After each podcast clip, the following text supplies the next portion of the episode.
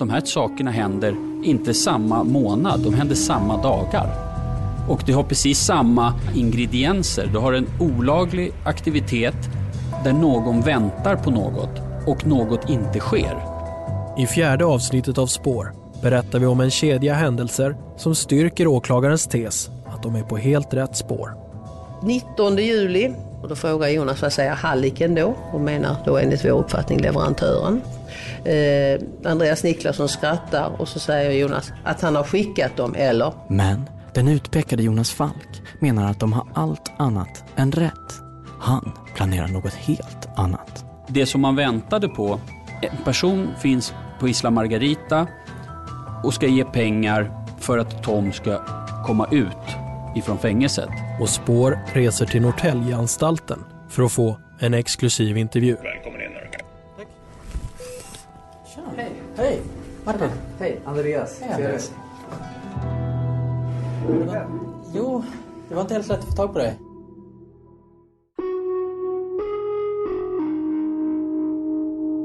Du lyssnar på Spår om Operation Playa, avsnitt 4. Jag heter Martin Jonsson. Och jag heter Anton Berg. Det här avsnittet kommer bli ett speciellt avsnitt i många avseenden. Det kan tyckas som verkligheten kommer överträffa dikten. För er som inte tror på vad ni kommer höra, så kika i er Acast-spelare för att se dokumenten som presenteras under förundersökningar eller domar. För nu har vi kommit till den punkt i den här berättelsen där vi började i avsnitt 1.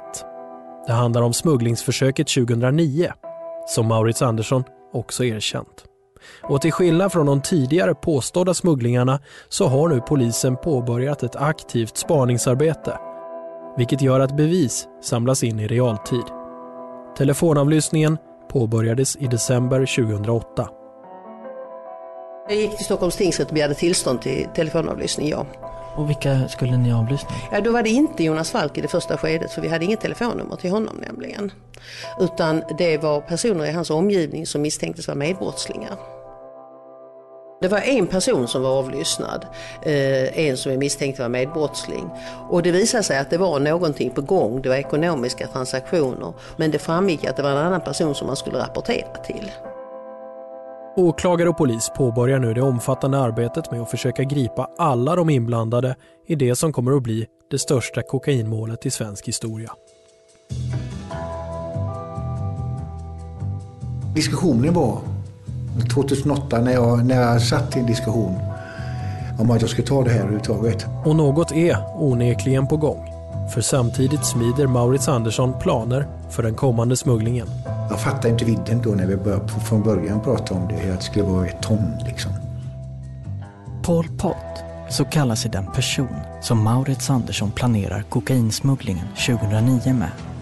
Och Maurits Andersson och Pol Pot, de mejlar till varann.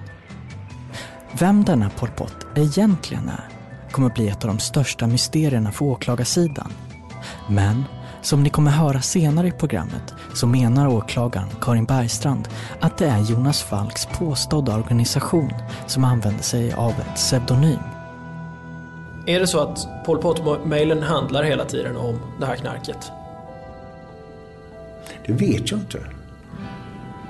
Vad, vad, vad den huvudsakliga diskussionen var. Men naturligtvis måste det ha varit det. Beslutet som Maurits Andersson tog 2008 om att smuggla kokain ska verkställas nu till sommaren som kommer, 2009. Det här ska bli smugglarens sista smuggelresa. Sen är han klar, menar han. Ja, alltså jag, jag, till slut så säger jag, okej okay, jag tar detta. Jag ser detta som ett två månaders jobb.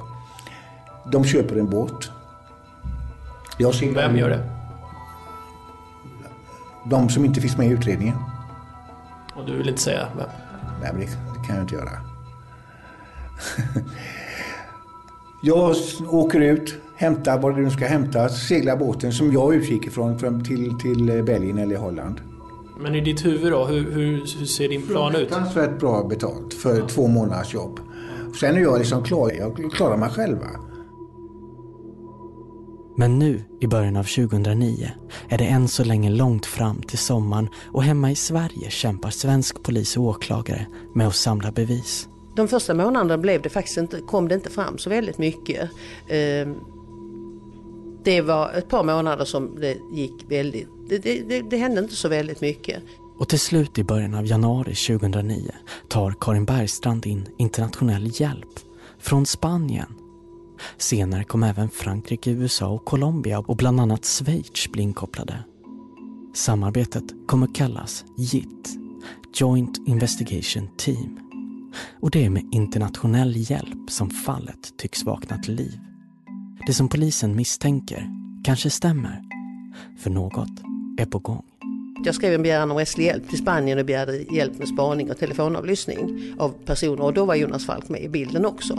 Och då började det röra på sig. Då fick man ju klart för sig och då, fick man, då var det mycket ekonomiska saker som kom fram till att börja med. Svensk polis börjar alltså med spansk hjälp notera ekonomisk aktivitet. Då ringer varningsklockor hos polisutredarna. För hur ska Jonas Falk, som alltså nolltaxerar, ha råd att investera pengar om han inte har några pengar? Åklagaren misstänker att det är försäljning av kokain som finansierar det som är på väg att ske. Men kokainkopplingen ska sen visa sig bli svår att bevisa. Och så här förklarar Jonas Falk själv. Var har du fått dina pengar ifrån då, Jonas? Jag har haft affärer nere i Afrika. Jag har haft lägenhetsaffärer. Jag har ägnat mig åt penningutlåning.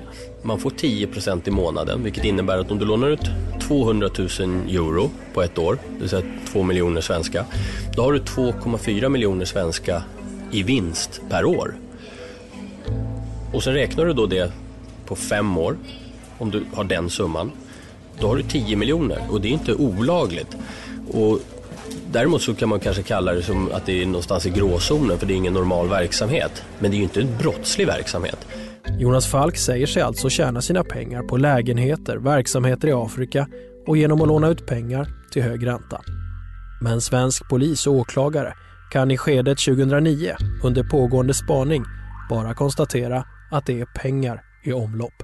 Han höll på med olika ekonomiska transaktioner och eh, det, var, mm, det fanns en klubb nere i Spanien till exempel och olika affärstransaktioner som, som visade att han, han var aktiv vad det gäller ekonomin. Den här nattklubben kommer senare bli av stor vikt för åklagarna så det är värt att stanna upp vid den en stund.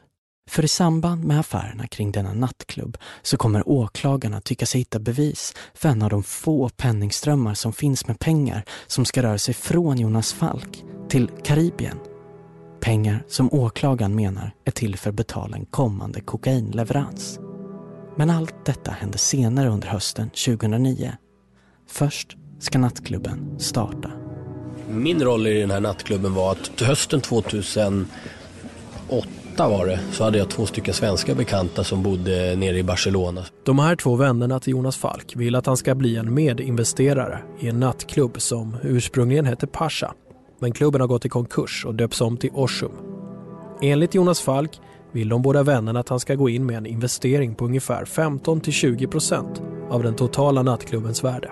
Och det var en av de här personerna som frågade mig, skulle låna en del, jag skulle låna in en annan del och sen skulle vi ha en annan person som skulle stå för sin del. Så det var alltså tre personer som skulle dela på en insats som skulle vara någonstans mellan 500 000 euro och en miljon kanske. Men pengarna de får ihop räcker inte. Och då kontaktar Jonas Falk sin moster, Harriet Broman.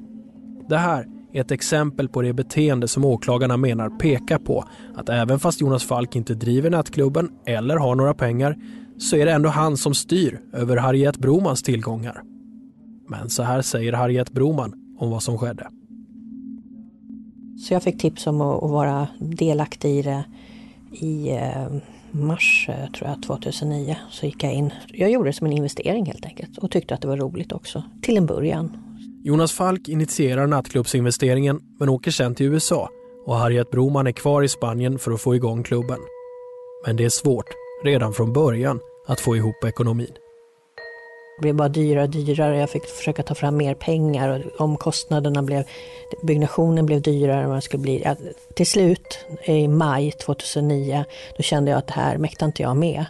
Utan jag, blev, jag kände mig lurad och jag kände att eh, jag klarar inte det här. Jag kan inte lägga in mer pengar och det var ingen annan som kunde lägga in pengar och det blev problem. Så att, eh, då ringde jag till Jonas och bad honom komma till Spanien och hjälpa mig. Så försöka hitta någon nya investerare och det var det han gjorde och då åkte jag hem. Även Maurits Andersson kämpar det här året, 2009, med ekonomin. Vi ska strax höra honom berätta om detta, men först kom ihåg att enligt åklagaren ligger det just nu vid det här tillfället 9 kilo kokain som ska ha kommit från leveransen året innan. De 9 kilorna ligger alltså i Maurits Anderssons båt Gloria i centrala Göteborg. Kokainet har ett värde av 30 till 40 miljoner kronor om det skulle säljas på gatan.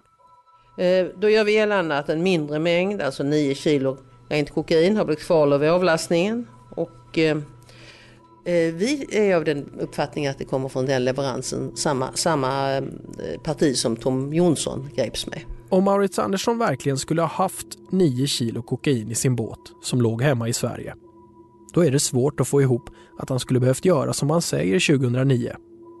Frågan blir alltså, varför agerar han så här om han har miljoner hemma i Sverige? Det var fruktansvärt år 2009. Jag var tvungen att ta lån på huset hemma. Jag sålde min firmabil för halva priset 2009. Då. Jag sålde motorbåten med, med förlust och såna grejer. Bara för att betala, för jag hade ju mina räkningar jag måste betala då. Va? Att smugglingen som ska ske under sommaren 2009 ska lyckas är således av yttersta vikt för Maurits Andersson. Och det kommer bli en händelserik sommar. Maurits Andersson förbereder sig för sin seglats, den sista stora smugglingsresan, om vi får tro honom själv. Och till sin hjälp, menar åklagaren, har han en helt ny person som vi nu kommer introducera. Den utpekade koordinatorn för smugglingen som ska ske nu under 2009. Han heter Andreas Niklasson. Andreas Niklasson dömdes också för sin inblandning i målet av både tingsrätt och hovrätt. Andreas Niklasson har dykt upp i Maurits Anderssons telefonavlyssning i mars-april det här året och Maurits Andersson har lärt känna Andreas Niklasson under två motorbåtsturer tillsammans med Jonas Falk på 68-fots motorbåten Bonafide.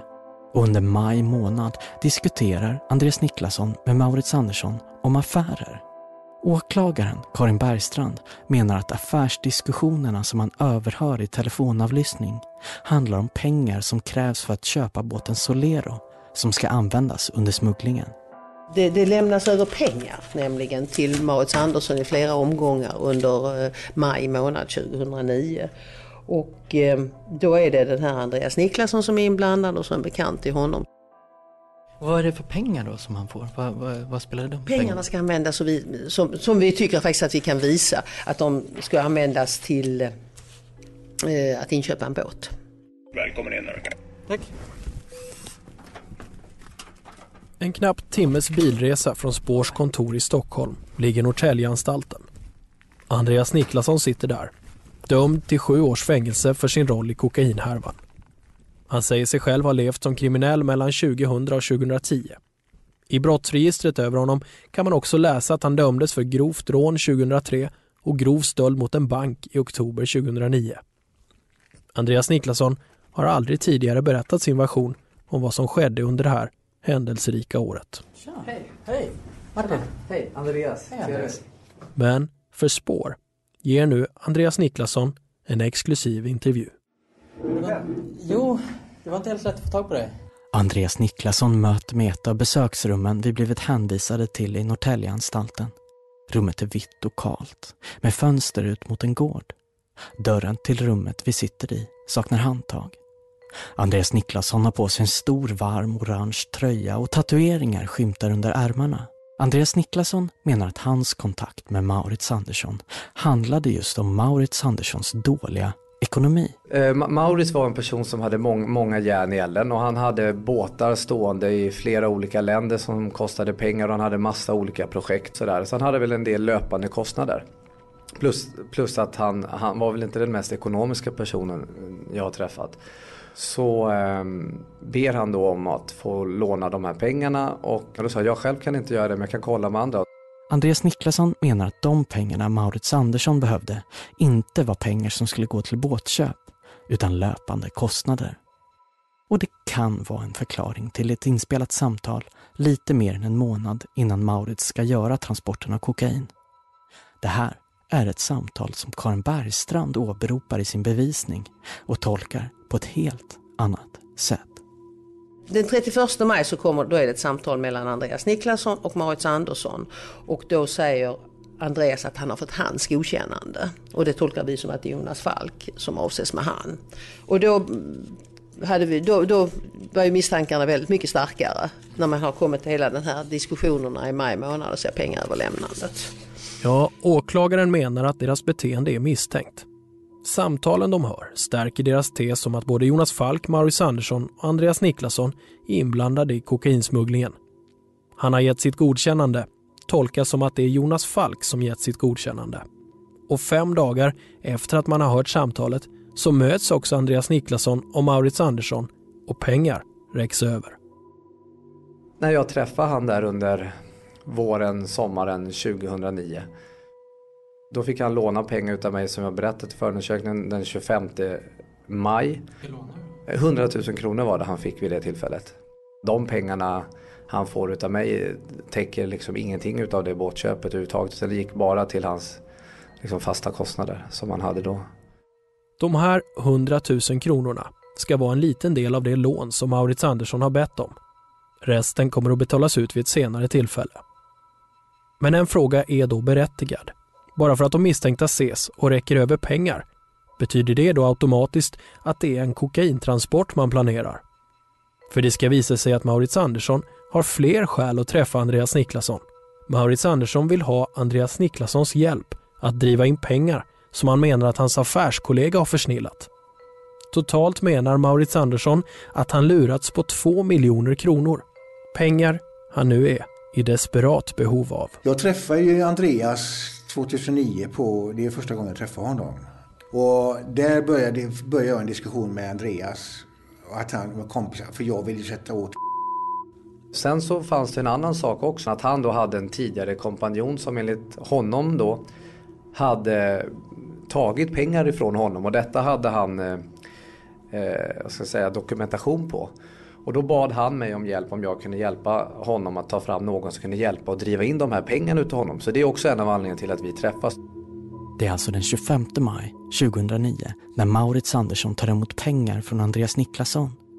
Samma dag så ringer också Jonas Falk. Då är det Jonas som ringer, det är alltid han som ringer. Maurits har inget telefonnummer till honom. Eh, då vill Jonas att Maurits ska komma, alltså som vi tolkar det till andra sidan Atlanten. Och han tycker att den 26 juni är alldeles för sent. Och även 21 juni. Och sen är det tal om hur sent man kan åka. Och det eh, sätter vi i samband med orkansäsongen. För den börjar i senare delen av juli månad i Karibiska havet. Och då är det då kan man inte vara ute på havet med segelbåt helt enkelt. Så man måste ha klarat av det innan dess. Den 12 juni 2009 köps segelbåten Solero. Och dagen efter, den 13 juni, är polisens spanare vittne till en märklig händelse. De observerar Maurits Andersson, Andreas Niklasson och ytterligare en till person i en motorbåt som åker runt i cirklar i hamnen i Marstrand. De sitter och kajkar runt i en båt i Hammarsängen i Marstrand. Och eh, då lägger man märke till en liten påse av något slag som jag tror lämnas över till Marit. Så det misstänker vi ju då är pengar. Åklagaren driver alltså en tes om att Maurits Andersson får pengar av Andreas Niklasson för att köpa båten Solero. Men dagen efter är ju båten redan köpt. Varför ska då Maurits Andersson ta emot mer pengar? Vid, vid det här äh, mötet då så menar ju åklagaren att jag överlämnar ytterligare pengar till, till Maurits Andersson. Eh, vilket jag inte gör.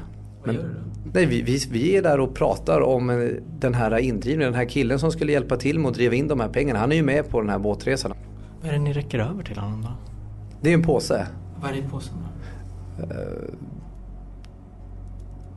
mobiltelefon. Till vad då? Till att ha kontakt med. För? För att prata om den här grejen. Vilken grej? Den här indrivningen. De skulle ju ringa till varandra. Då måste de ha speciella telefoner? Måste och måste måste man väl inte ha men, men, men det är så, så som man Ja, så som man levde upp under den tiden ändå. Jag menar, det, det är ju ingen hemlighet att man inte alltid var inom, inom eh, det var ju liksom en, en, en, fanns ju en del affärer som man, som man var involverad i som liksom kanske var någonstans i gråzonen. Drygt tio dagar senare så reser Andreas Niklasson till Colombia Vi är nu framme vid den 25 juni 2009. Samma dag sätter sig Maurits Andersson på ett flyg till Martinique i Karibien. Polisen noterar att Jonas Falk, den utpekade huvudmannen, håller sig i Europa. Vår uppfattning är att han alltid håller sig på långt avstånd när det ska hända någonting. Så att han inte är på plats helt enkelt. Även fast Maurits Andersson och Andreas Niklasson möts under vad polisen anser misstänkta förhållanden så räcker inte det för att binda Jonas Falk till kokainsmugglingarna. Det är ju han som påstås vara hjärnan bakom det hela. Då tar åklagare Karin Bergstrand till en omstridd polismetod, undercover-agenter. Målet är att komma ännu närmare Jonas Falk. Jag ska som börja säga att det var min dåvarande chef som, som, som tog initiativ till detta och föreslog för mig att vi skulle använda undercover-agenter för att eh, komma nära Jonas Falk. Anledningen till att man vill göra det är ju att det är en person som det, det, det är svårt att komma åt hans brottsliga verksamhet om man inte använder sig av lite okonventionella metoder. Eh, och då var det ett förslag att man skulle göra detta. Och eh, efter att ha fått en föredragning av dem om deras metoder, dokumentation och hur det ska gå till och hur man sköter allt så, så accepterade vi det. Vi visste ju inte någonting om när nästa leverans skulle ske eller vad han tänkte göra eller något sånt. Och då tänkte man att man kunde genom den här lite närmre kontakten få reda på om han skulle resa någonstans, om det var någonting på gång eller någonting sådant. Och hur tycker du att det gick? Det gick inte alls bra. Totalt kommer svensk polis använda 20 undercover-agenter i Operation Playa som tillsammans ska få fram bevis mot Jonas Falk. Det är fem agenter från Rikskriminalen, fem från Stockholm, fem från Malmö och fem från Göteborg. Men trots den omfattande styrkan så kommer undercover-verksamheten kantas av en rad misslyckanden. När Operation Playa senare kommer till allmänhetens medvetande börjar även journalister granska fallet. En av dem är Lasse Wierup, numera på Dagens Nyheter. Um, när jag började nysta i detta så Eh, framkom det gnisvärda saker. Allt från att det hade uppstått en spricka i den här gruppen av eh, undercover-agenter. Eh, man beskyllde varandra för att ha varit berusade i tjänsten och för att ha ägnat sig åt lyxkonsumtion på Polismyndighetens bekostnad. Köpte ja, för mycket alkohol och väldigt dyra cigarrer och ja, sådana här saker. Lasse Wierup har i sitt arbete som granskande journalist intervjuat en del av de poliser som är inblandade i Operation Playa. Och det visar sig att delar av polisens arbete kommer att omintetgöras av internproblem. Och det hade uppstått en spricka i bland de här agenterna där Stockholm och Göteborg um, inte drog jämnt med framförallt Rikskriminalen. Eh, och eh, detta ledde då till en fatal situation i Spanien på fältet när man har i uppdrag att tillsammans då infiltrera den här misstänkta brottsorganisationen. Så börjar man bråka där nere om ganska mm, triviala saker men det får ändå eh, så allvarliga konsekvenser att man eh, vill man börjar bedriva eh, spaningsarbete mot de egna Ehm, agenterna. Man plockar in agenter från ett annat land, Finland, eh, som i hemlighet ska överta den här operationen och, och allting blir en väldig röra.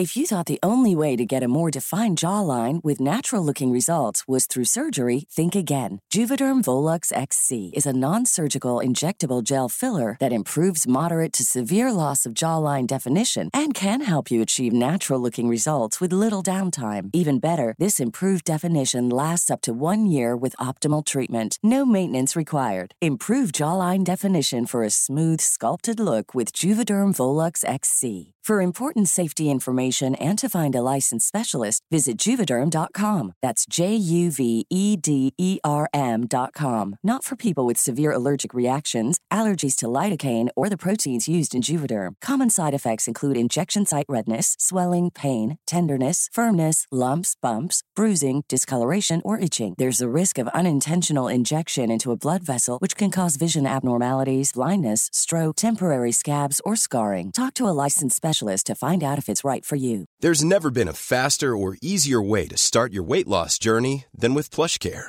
PlushCare accepts most insurance plans and gives you online access to board-certified physicians who can prescribe FDA-approved weight loss medications like Wigovi and Zepbound for those who qualify. Take charge of your health and speak with a board-certified physician about a weight loss plan that's right for you. Get started today at plushcare.com slash weight loss. That's plushcare.com slash weight loss. plushcare.com slash weight loss. Spår har intervjuat en av dem som träffade undercover-agenterna, Mattias Johansson. Han säljer vanligtvis kopiatorer i Spanien och Europa men jobbade också på nattklubben i Barcelona som Jonas Falk och Harriet Broman försöker starta upp. Och det var som Jonas Falks vän som Mattias Johansson blev intressant. Och en dag ringer telefonen.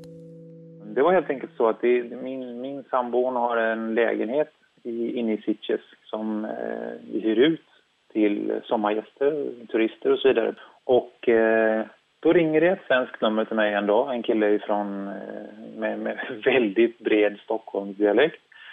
Uh, och han pratade som i en gammal långfilm, det var nästan lustigt, man skrattar när man lyssnar på honom. Och han ringer och säger att han är i Sitges och skulle vilja titta på lyan som han säger då. Så han kom, en halvtimme senare så stod han i dörren. Och eh, som sagt var en väldigt rolig underhållande typ som man eh, som fastnade för direkt där. Och han frågade om inte eh, jag hade någon plan för lunch och han var där med sina kompisar. Så att han bjöd med mig på lunch. Det här är bara första gången Mattias Johansson blir bjuden. Det som följer är en rad middagar och återkommande mejlkorrespondens. De hade ett sätt att prata på som jag nu på, e- i efterhand förstår att de kanske tror att kriminella uttrycker sig på, ja, mycket slang var det. Ja. Men kontakterna med Mattias Johansson fortsätter. Hans nya vänner frågar om han inte kan ta hand om en bil. Efter en tid bestämmer de att bilen ska stå på Mattias Johanssons uppfart. Då tar de senare kontakt med mig för att då är det en av de här killarna som ska komma ner med bilen och det är en av de här killarna som jag har träffat förut då som de kallar för Johnny. Eh, och eh, han kommer ner med bilen och det visar sig då vara eh, på den tiden en väldigt eh, fräck bil, eller det är det fortfarande. Det var en BMW M6 och eh, som var väldigt ny då. Vad Mattias Johansson då inte vet är att det här är inte vilken bil som helst. Vi hör DN-journalisten Lasse Wierup. Ja, genom tysk polis så får man låna en eh, splitterny BMW X6 som precis har kommit ut på marknaden. Och det är ingen slump att man väljer just eh, den bilmodellen för att den är ny då och den väcker uppmärksamhet. Precis så som man vill att det ska, ska vara när man etablerar sig i Sitges här under eh, täckmantel av att man är eh, svenska affärsmän eh, som har det gott ställt och mycket pengar och så vidare. Eh, och man vet också att de här misstänkta är intresserade av, av sportbilar, av, av nya fina bilar. Eh, och eh, då är det så att i, inför den här resan så ehm, preparerar man den här bilen nere i Skåne med hjälp av dåvarande länskriminalen där på ett sånt sätt att man kan avlyssna eh, det som, som sägs i kupén. Mattias Johansson har alltså plötsligt tillgång till en ny bil. Den står där på hans uppfart. Och allt som sägs i den kan höras och spelas in av svensk polis. Och eh, då säger, de, säger han till mig, här, jätte, jätteschysst, men du, du ska använda bilen. Jag ska inte liksom stå för det. Det är inte bra om bilar står stå still för länge. De ska rulla lite grann. Så använd bilen, kör med den. Det är bara bra, säger de. Okej. Okay. Nu gjorde jag det väldigt, väldigt, väldigt lite för att jag, jag är rädd om mina egna grejer men jag är ännu mer rädd om andras grejer för det, tycker jag är hemskt om någonting skulle hända. Så att de få, det var väldigt få tillfällen som jag använde bilen. Men eh, den stod här hemma hos mig i, jag vet inte, tre veckor, en månad kanske. Nu kanske ni tänker att det är självklart att polisen agerar på det här sättet. Det är ju trots allt väldigt grov kriminalitet som utreds. Men att bugga en bil, och speciellt utomlands, kräver domstolsbeslut. Något som den svenska polisen inte har. Det är ju någonting som polisen har gjort på helt eget initiativ. Det är ju eh, möjligt att eh, bedriva rumsavlyssning som man kallar det, buggning, men då måste man ju ha ett beslut i domstol. Eh, att bedriva rumsavlyssning i ett annat land utan eh, värdlandets eh, vetskap eh, är naturligtvis en oerhört känslig sak. I efterhand, när detta kommer upp till slut under förhandlingen så säger man att eh, det här bara var en säkerhetsåtgärd för operatörerna.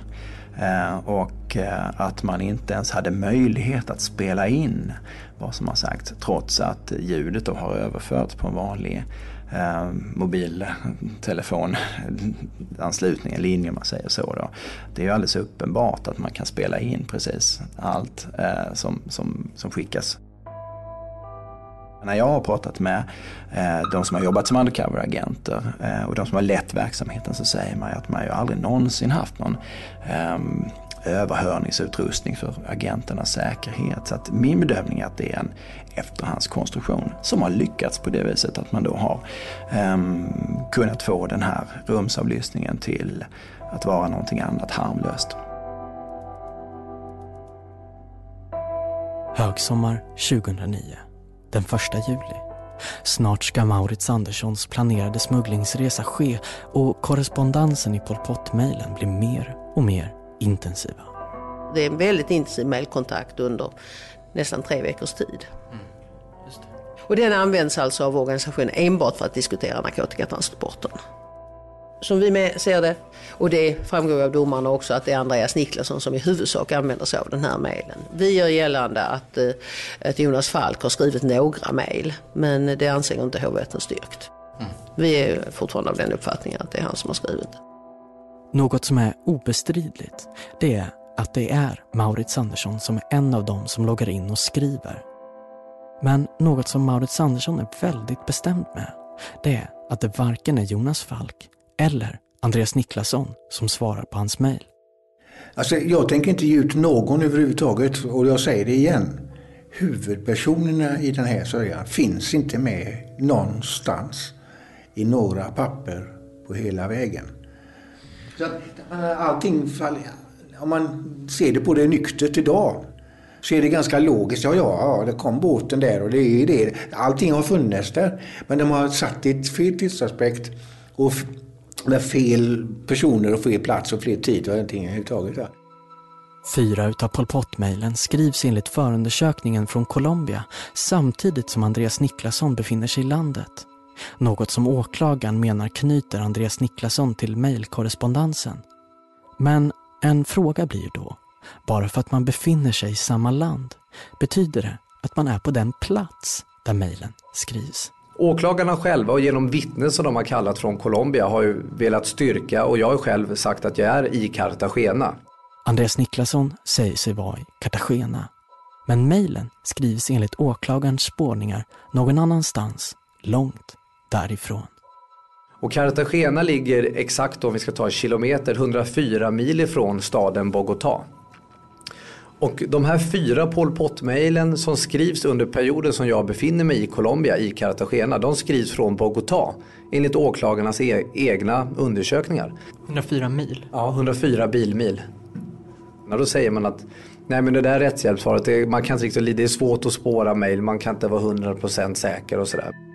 Samtidigt, i Karibiska havet, ger sig Maurits Andersson ut för att möta upp leveransen av kokain. Vi ska titta den 3 juli eh, ger Maurits Andersson sig ut. Och eh, då lämnar Martinique och åker ut på Karibiska havet och då är Jonas Falk och flickvännen Lorena, de är i Barcelona. Men den stora, sista smugglingsresan den börjar inte riktigt som Maurits Andersson föreställt sig. Jag känner jag kommer ut, jag seglar ut första gången där och så upptäcker jag att det skaver i bak. Eh, och när jag tittar på hjulen, alltså den här stålvajern går som går till roder, eh, trekanten om man nu ska uttrycka det. Så, så eh, upptäcker jag att de är helt rostiga. De är inte gjort i, i aluminium eller någonting sånt. Som är, så att vajern har, och de sitter fast. Jag hade aldrig klarat en resa över Atlanten med detta. Så jag vände direkt. Det, det är omöjligt för mig att segla. Maurits Andersson tvingas avbryta sin segling ut till mötespunkten. Och enligt åklagaren blir en direkt orsak av avbrottet att tre dagar senare reser Andreas Niklasson från Colombia till Barcelona där Jonas Falk befinner sig. Den 6 juli är Andreas Niklasson också hastigt och lustigt i eh, Barcelona. Då är han tillsammans med Jonas Falk. Men det som Karin Bergstrand beskriver som hastigt och lustigt, det har Andreas Niklasson en helt annan åsikt om. Och det, det, är också en rolig grej för att då har åklagarna fått det till att jag i all hast åker från Colombia till Spanien. Men jag lämnade uppgifter om var man kunde åka till den resebyrån där jag hade köpt de här flygbiljetterna. Då kunde man se att jag, jag åkte exakt med den biljetten och den hemresa som var planerad, alltså innan jag ens reste till Sydamerika. Jag fullföljde bara liksom min, min flygresa. Min flygresa hem var den femte. Tillbaka till Barcelona. Hela tiden. Och väl i Barcelona så möter Andreas Niklasson upp Jonas Falk. Jag var i Barcelona vid den här tidpunkten. Andreas Niklasson kommer hit till Barcelona. Det är inte särskilt konstigt att han hör av sig till mig precis som alla svenskar som är här nere som jag känner. Till exempel om det kommer någon svensk nu så är det precis samma sak. De kontaktar mig varje dag också. Och i Karibien ligger Maurits Andersson i hamn. Han har missat den första turen eftersom rodret gick sönder. Nu väntar han på besked på när och om han kan åka ut igen. Det är mycket som står på spel. Hela Maurits Anderssons ekonomi är i gungning och han är i stort behov av pengar. Kommunikationen sker via Pol Pot-mejlen. Jag väntar ju för att komma iväg. Jag vill ju komma iväg så fort som möjligt naturligtvis. Jag seglar... Eh, och det, men det är hela tiden oklart. Jag får inga direkta direktiv. Så jag får inga besked heller indirekt då utav den här mejlen då. 14 juli så är reparationen klar och han är klar för avfärd, Maurits. Pol Pot uppmanar honom att åka iväg fredagen den 17 juli för ett möte och sen ska han raka vägen hem. Samtidigt så hör svensk polis samtal mellan Jonas Falk och Andreas Niklasson. Och då finns det telefonsamtal mellan Jonas Falk och Andreas Niklasson och de berätt, då berättar Andreas Niklasson för Jonas att hon håller på att kolla, det verkar gå jäkligt bra. Om jag tittar på de här telefonsamtalen och tittar på de här mejlen jag har full förståelse för att man tänker att det här måste ju höra ihop. Jonas Falk medger alltså att vid en första anblick så ser det onekligen ut som att kommunikationen mellan honom och Andreas Niklasson ser ut att hänga samman med vad Maurits Andersson gör. Men enligt Jonas Falk handlar det om allting annat än kokainsmuggling. De ska frita Tom Jonsson. Han sitter fängslad på ön Isla Margarita strax norr om Venezuela. Det här är alltså samma vän till Jonas Falk som greps året innan, 2008, med 1,2 ton kokain ombord på en motorbåt. Innan han greps ska han enligt åklagaren lyckas leverera ett parti kokain på 700 kilo till Maurits Andersson. Men du, varför försökte du hjälpa Tom? Varför jag försökte hjälpa Tom? Mm. Därför Tom är en bekant till mig, en vän till mig och han vände sig till mig. Planen är att muta ut Tom Jonsson ur fängelset. Att Jonas Falk ska hjälpa en vän, det är en sak. Men frågan blir ju varför Jonas Falk ska ha hjälp av Andreas Niklasson. Enligt tingsrätt och hovrätt är de mest ytligt bekanta. Det, det kan jag förstå låter konstigt i, i, i så att säga, en vanlig persons öron. Men, men i, i, mina öron så är det inte något konstigt överhuvudtaget att man engagerar sig i det. För det var ju ändå vänner till mig som, som var engagerade i det. Nära vänner och väldigt nära vänner till mig som var väldigt god vän med honom. Och han mådde väldigt dåligt där inne och ville liksom inte sitta kvar där. Så att vi ville få ut honom därifrån och det ville jag hjälpa till med och, och få det att gå igenom. Det var ju på tal redan 2008 hade jag hört talas om det. Att man skulle försöka få ut honom. Så i första hand var det att, att försöka få ut honom genom att, att muta honom och kontakta olika domare och sådär. Idén är, enligt Andreas Niklasson, att när väl Tom Jonsson är ute ur fängelset på ön Isla Margarita så ska de hjälpa honom att lämna landet. Det är inte så lätt att ta sig från en ö. Eh, så att eh, bästa sättet är väl att ta det vattenvägen. Liksom. Men vad säger då Tom Jonsson själv?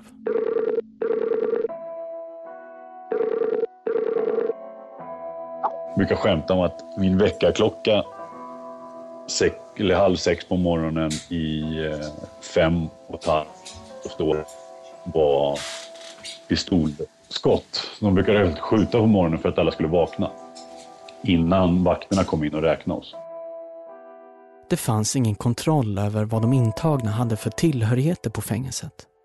Bland annat hade Tom Jonsson en telefon som han kunde ha kontakt med omvärlden med via mail och ta bilder med.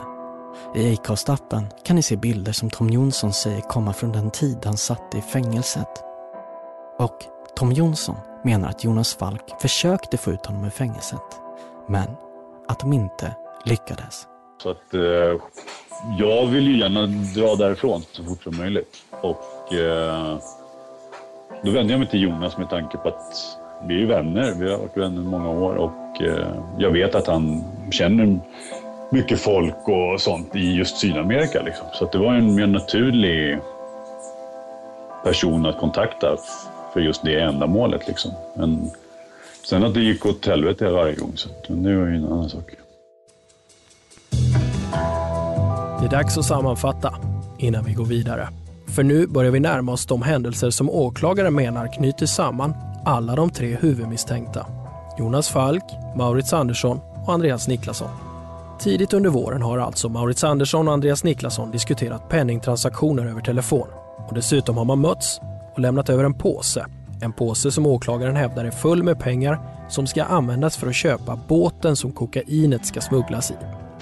När Maurits Andersson flyger till Martinique för att göra sitt första försök till att ta emot en leverans flyger Andreas Niklasson samma dag till Colombia. När smugglingen misslyckas på grund av roderhaveri så menar åklagaren att Andreas Niklasson plötsligt reser till Barcelona för att där möta upp Jonas Falk. Jonas Falk som ska vara hjärnan bakom operationen. Och även fast undercover-verksamheten som ska binda Jonas Falk till kokainsmugglingarna inte blir framgångsrika blir man ännu mer säker på hans inblandning under de kommande veckorna. Inte minst på grund av den kommunikation som vi nu ska få ta del av. Jonas Falk däremot menar att det man skriver och det man pratar om handlar om hur man ska få ut Tom Jonsson ur fängelset, inte om kokainsmuggling. Allt är helt enkelt ett enda stort sammanträffande. De här sakerna händer inte samma månad, de händer samma dagar. Och du har precis samma, du har precis samma ingredienser. Du har en olaglig aktivitet där någon väntar på något och något inte sker. Tom väntar på att han ska ut. Maurits väntar på att han ska ta emot någonting. Och vi pratar om 7 juli, 9 juli, 11 juli. Exakt samma dagar. Det, det är inte ens fel på dagarna.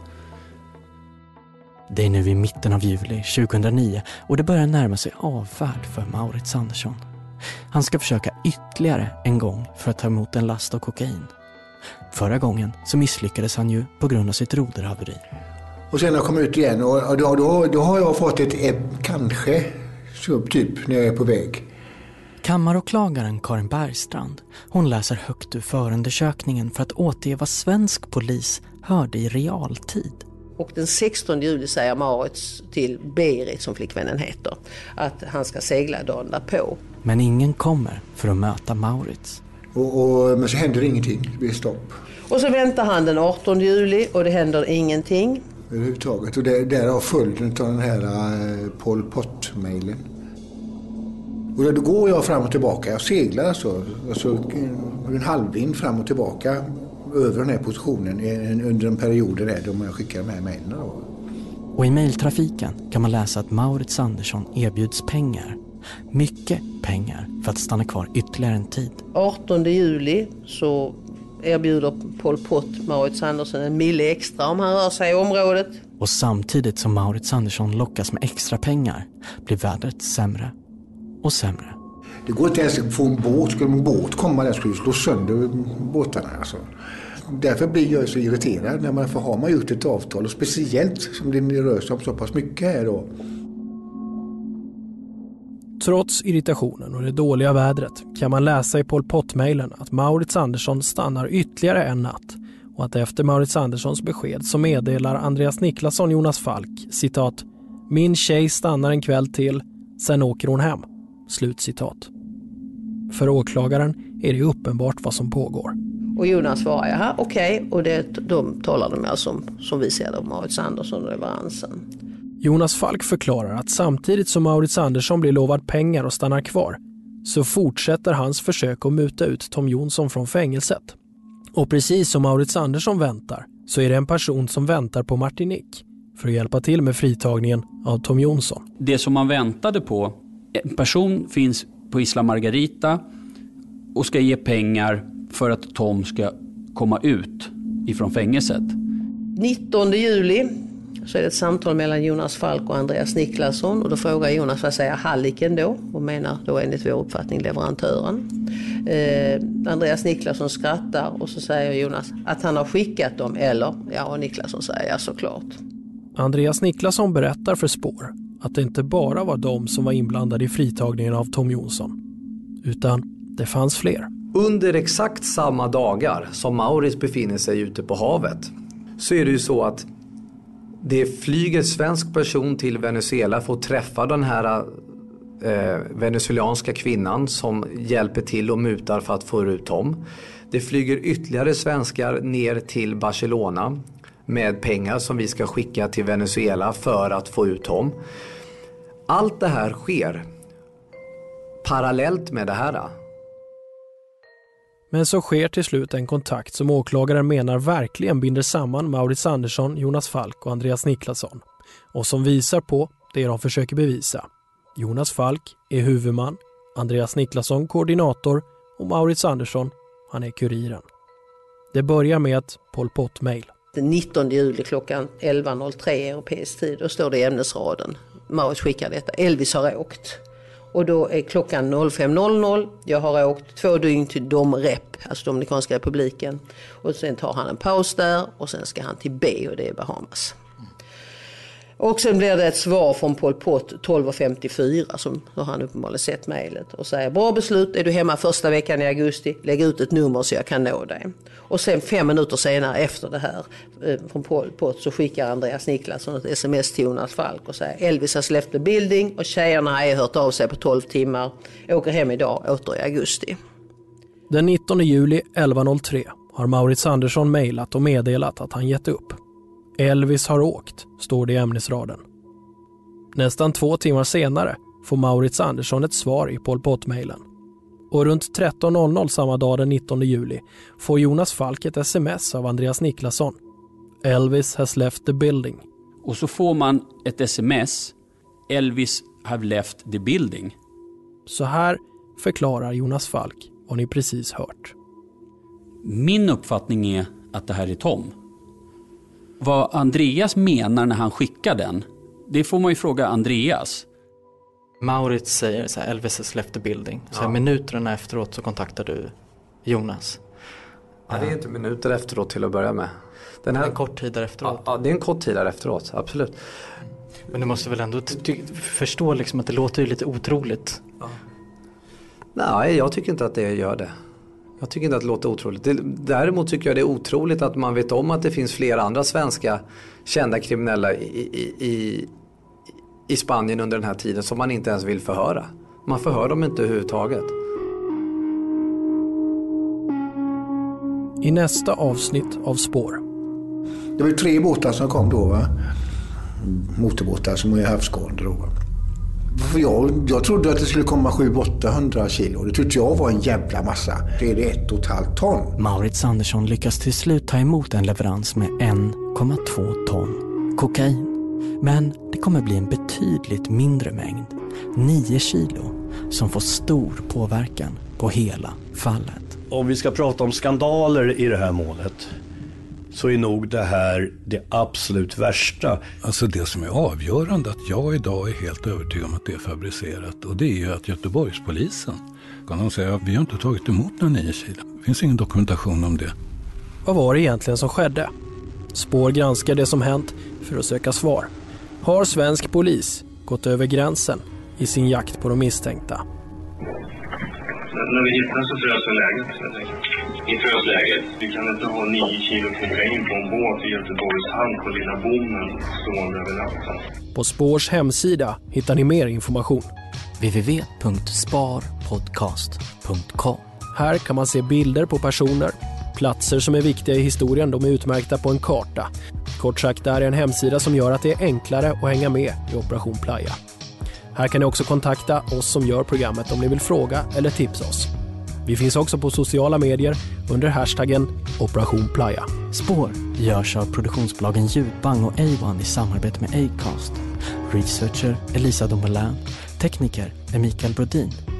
Projektledare Vian Jalal och exekutiv producent är Carl Rosander.